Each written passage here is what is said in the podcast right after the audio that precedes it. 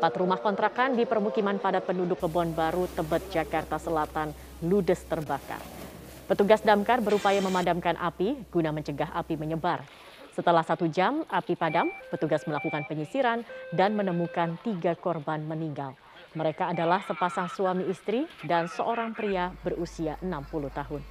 Ketiga korban dibawa ke Rumah Sakit Cipto Mangunkusumo Jakarta untuk diotopsi. Kini kasus kebakaran tersebut ditangani Polsek Tebet. Untuk sementara ini kebakaran diduga akibat hubungan pendek arus listrik. Polda Jawa Barat resmi menetapkan Ketua Umum DPP LSM Gerakan Masyarakat Bawah Indonesia atau GMBI sebagai tersangka dalam kasus unjuk rasa berujung anarkis di Mapolda Jawa Barat. Hingga kini total ada 11 tersangka yang telah ditetapkan dan polisi tidak menutup kemungkinan ada penambahan tersangka. Menurut Kepala Bidang, hum, Bidang Humas Kepolisian Daerah Jawa Barat, Kombes Polisi Ibrahim Tompo, Ketua Umum DPP LSM GMBI berinisial F diamankan di rumahnya pada Jumat kemarin dan langsung dibawa ke Mapolda Jawa Barat untuk menjalani pemeriksaan.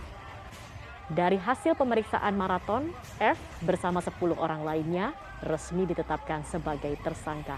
Namun pihak kepolisian belum bersedia merinci peran masing-masing dari 11 tersangka tersebut. Polisi terus melakukan pengembangan penyelidikan dan tidak menutup kemungkinan ada penambahan tersangka. Ketua Umum GMBIF diketahui dijerat sejumlah pasal dalam KUHP terkait aksi unjuk rasa berujung anarkis di Mapolda Jawa Barat. Pada Kamis lalu ribuan orang mengatasnamakan LSM GMBI menggelar aksi unjuk rasa di depan Mapolda Jawa Barat menuntut kejelasan penuntasan kasus pengeroyokan anggotanya hingga tewas di Karawang. Namun unjuk rasa berujung ricuh dan melakukan perusakan. Setidaknya 731 orang diamankan pasca aksi tersebut. Ya, jadi yang bersangkutan saudara F ini sudah ditangkap tadi pagi, sudah dibawa ke Mapolda Jawa Barat. Secara maraton sudah dilakukan pemeriksaan dan setelah melalui gelar perkara, tadi siang oleh penyidik sudah ditetapkan sebagai tersangka. Jadi total sudah 11 tersangka dari eh, kasus eh, anarkis ini, pengerusakan ini. Ini termasuk intelektual yang kemarin dicari-cari itu? Ya ini termasuk. Oh, okay. Berarti masih ada aktor intelektual lain selain ini? Masih ada yang di jadi DPO. Ya. Jadi Pak nanti akan ada tersangka tambahan dari hasil pemeriksaan yang ada. Pasca aksi perusakan Mapolda Jawa Barat, Polres Indramayu Jawa Barat menangkap 20 orang anggota LSM GMBI, di mana lima di antaranya positif mengonsumsi narkoba. Penyisiran markas LSM GMBI di Kabupaten Indramayu dipimpin langsung Kapolres Indramayu, AKBP Lukman Syarif. Dari hasil penyisiran, polisi mendapati tujuh orang anggota LSM GMBI berikut sejumlah senjata tajam, sepeda motor yang tidak dilengkapi dengan surat-surat lengkap. Sementara 15 anggota GMBI lainnya merupakan hasil penyerahan oleh Polda Jawa Barat yang melakukan aksi perusakan di depan Mapolda Jawa Barat. Selain menangkap anggota LSM GMBI, polisi juga menyita belasan barang bukti yang digunakan dalam aksi unjuk rasa, berupa dua unit kendaraan roda 4 dan 15 kendaraan roda 2. Ke-20 anggota LSM GMBI asal Kabupaten Indramayu tersebut hingga kini masih menjalani proses pemeriksaan di Mapolres Indramayu. Pak Andrian Syah, uh, olah TKP sudah selesai dilakukan. Apa hasilnya? Apakah sudah bisa dipastikan apa sebenarnya penyebab ledakan ini? Selamat sore Mbak Saskia, selamat sore pemirsa TV One. Assalamualaikum warahmatullahi wabarakatuh. Terlebih dahulu Mbak Saskia kami laporkan terkait dengan kronologis awal kejadian di mana ada informasi ataupun laporan terkait dengan ledakan di salah satu rumah warga. Diperkirakan sekitar pukul 13.30 WIB hari Jumat tanggal 28 Januari 2022. Dari informasi tersebut, kita mendatangi TKP dan betul memang ada peristiwa kejadian tersebut. Sehingga kita melakukan langkah-langkah tindakan kepolisian. Salah satunya karena TKP ini termasuk TKP yang berbahaya, kita melakukan koordinasi dengan Jibom Satrimobda Polda Jateng untuk mensterilkan TKP sehingga kita bisa nanti pada saat steril TKP melakukan olah TKP. Setelah steril, kita koordinasi dengan lapor Polda Jateng dan Inavis untuk melakukan Baik. olah TKP tadi malam. Dan Baik. sudah diamankan beberapa barang bukti yang nantinya akan diuji lab di lapor Polda Jateng, Mbak. Baik. Itu Pak. Andriansyah, mohon maaf Pak Andriansyah, saat ini Anda sedang bersama dengan eh, Metro TV, begitu. Pak Andriansyah, eh, tadi Anda mengatakan ada beberapa barang bukti yang Anda sudah atau tim ditemukan begitu di sana. Apa saja yang ditemukan? Benarkah eh, bubuk belerang ini yang menjadi sumber ledakan? Untuk kepastiannya nanti Mbak, hasil uji lab dari lapor Polda Jateng. Karena untuk jenis kepastian kan sesuai hasil uji lab, baru dapat kita sampaikan. Tetapi jenis-jenis barang yang kita amankan itu sudah kita uji labkan ke lapor Polda Jateng, Mbak. Oke. Dan terkait dengan eh, bahan belerang untuk mengusir kelelawar, ini sudah bisa dikonfirmasi atau memang ada peruntukan aktivitas lainnya, Pak? Untuk saat ini pemeriksaan awal kita dari beberapa saksi, ada sekitar enam saksi yang sudah kita periksa, itu memang ada beberapa eh, kelelawar yang ada di lantai dua TKP, termasuk keterangan dari santri. Tapi kepastiannya nanti kita akan mendalam terkait dengan eh, setelah korban selesai dirawat di RSUD, Mbak. Baik. Eh, Pak Andriansyah, dari mana korban mendapatkan serbuk belerang ini? Apakah memang serbuk belerang ini bisa dibeli dengan mudah tanpa izin begitu? Apakah eh, serbuk belerang ini termasuk bahan berbahaya sebenarnya Pak yang tidak bisa didapatkan dengan eh, gampang atau tanpa izin begitu?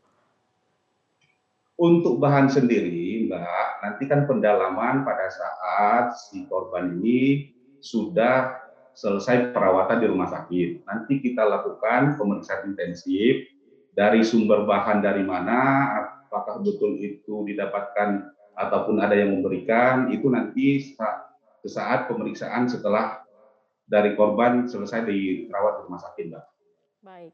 Sembari menunggu korban eh, selesai pemulihan dari luka yang eh, dialami begitu Pak, apakah eh, kepolisian sudah juga eh, menanyakan saksi-saksi lain Pak? Mungkin ada fakta Sudah, sudah. yang terungkap dari eh, kesaksian para saksi yang sudah di, eh, ditanya begitu Pak?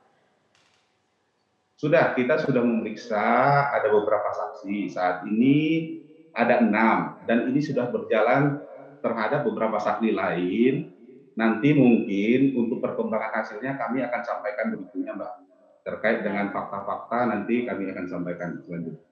Baik, Pak Andriansyah, apakah mengusir kelelawar dengan bahan belerang ini jadi kebiasaan begitu Pak di lingkungan sekitar dan eh, atau hanya di rumah yang berada di pondok pesantren ini saja? Untuk kebiasaan ini kan kita harus mendalami apakah memang nanti dari warga lain kan perlu pendalaman, Mbak. Memang ada kebiasaan warga di sana atau tidak. Untuk sementara kan kami masih mendalami apakah memang murni itu memang niat dari si korban sendiri yang melakukan atau memang sudah kebiasaan dari warga. Saat ini kan pendalaman untuk penyelidikan lagi berjalan, Mbak. Itu sementara. Baik, artinya saat ini eh, garis polisi masih dipasang dan eh, di eh, tempat kejadian perkara ini juga masih dijaga oleh pihak kepolisian begitu Pak ya? Masih Mbak, masih. Saat ini polis lain masih kita terpasang, masih dalam status quo, dan ditempatkan personil pengamanan di sana untuk mengamankan TKP, Mbak. Baik, Pak Andriansyah seperti apa kondisi korban saat ini Pak? Untuk kondisi korban sendiri, Mbak, saat ini alhamdulillah sudah membaik. Dari kemarin pasca kejadian itu di ICU, sekarang sudah dirawat inap. Alhamdulillah tadi ibu korban dan keluarga sudah bisa berkunjung dan sudah bisa diajak komunikasi. Dan mudah-mudahan secepatnya sudah sembuh dan bisa kita ambil keterangan. Baik, baik. Eh, apa saja Pak luka yang dialami oleh korban Pak? Memang dari dari luka yang dialami korban ada beberapa luka bekas eh, pecahan serpihan kaca mbak di di badan dan di daerah wajah tetapi itu sudah dilakukan pengobatan untuk yang secara luka dalam belum ada kita temukan, akan tetapi koordinasi dengan korban ada beberapa eh, gangguan di daerah telinga pendengaran. Tapi mudah-mudahan secepatnya bisa pulih, Mbak. Baik, uh, Pak Andriansyah kembali terkait dengan ledakan tadi ya Pak ya. Salah satunya ini kan di, uh, diduga bubuk belerang begitu Pak. Uh, mungkin Anda bisa menjelaskan bagaimana kemudian bubuk belerang itu bisa menimbulkan ledakan? Apakah jika terkena dengan bahan lain atau seperti apa Pak? Terkait dengan bubuk belerang tadi Mbak, kita harus meminta kepastian apakah jenis ini memang itu atau tidak. Makanya kita lakukan uji lab terkait dengan hasil uji lab nanti, kita pun harus memeriksa saksi ahli dari Jibom, Satrimopda Polda Jateng. Nanti beliau yang bisa berkapasitas menjelaskan terkait dengan uh, uh, bahan-bahan ini bisa jadi suatu bahan yang bisa membuat ledakan atau tidak. Nanti kami butuh keterangan ahli dari pihak-pihak yang berkompetensi terkait itu, Mbak. Baik, artinya uh, penyelidikan masih terus dilakukan dan saksi kunci ya ini korban yang sedang mengalami luka menunggu hingga uh, korban sembuh begitu ya Pak ya atau sudah uh, membaik sehingga bisa dimintai keterangan. Olah TKP sudah dilakukan, masih menunggu korban hingga membaik hingga nantinya bisa dimintai keterangan. Apa kemudian langkah-langkah lain yang uh, akan dilakukan oleh pihak kepolisian Pak guna uh, mengungkap kasus ledakan ini Pak? Untuk langkah-langkah penyelidikan kan tetap kita berjalan seperti SOP yang sudah ada. Tahap penyelidikan ini tadi sudah kita lakukan eh, terkait dengan olah TKP, pemeriksaan saksi, nanti nanti seumpamanya kita sudah melengkapi itu kita melakukan gelar untuk melakukan tahap selanjutnya. Apabila ditemukan tindak pidana, maka kita akan menentukan siapa pelakunya. Selanjutnya nanti kita ajukan ke tahap berikutnya, Mbak.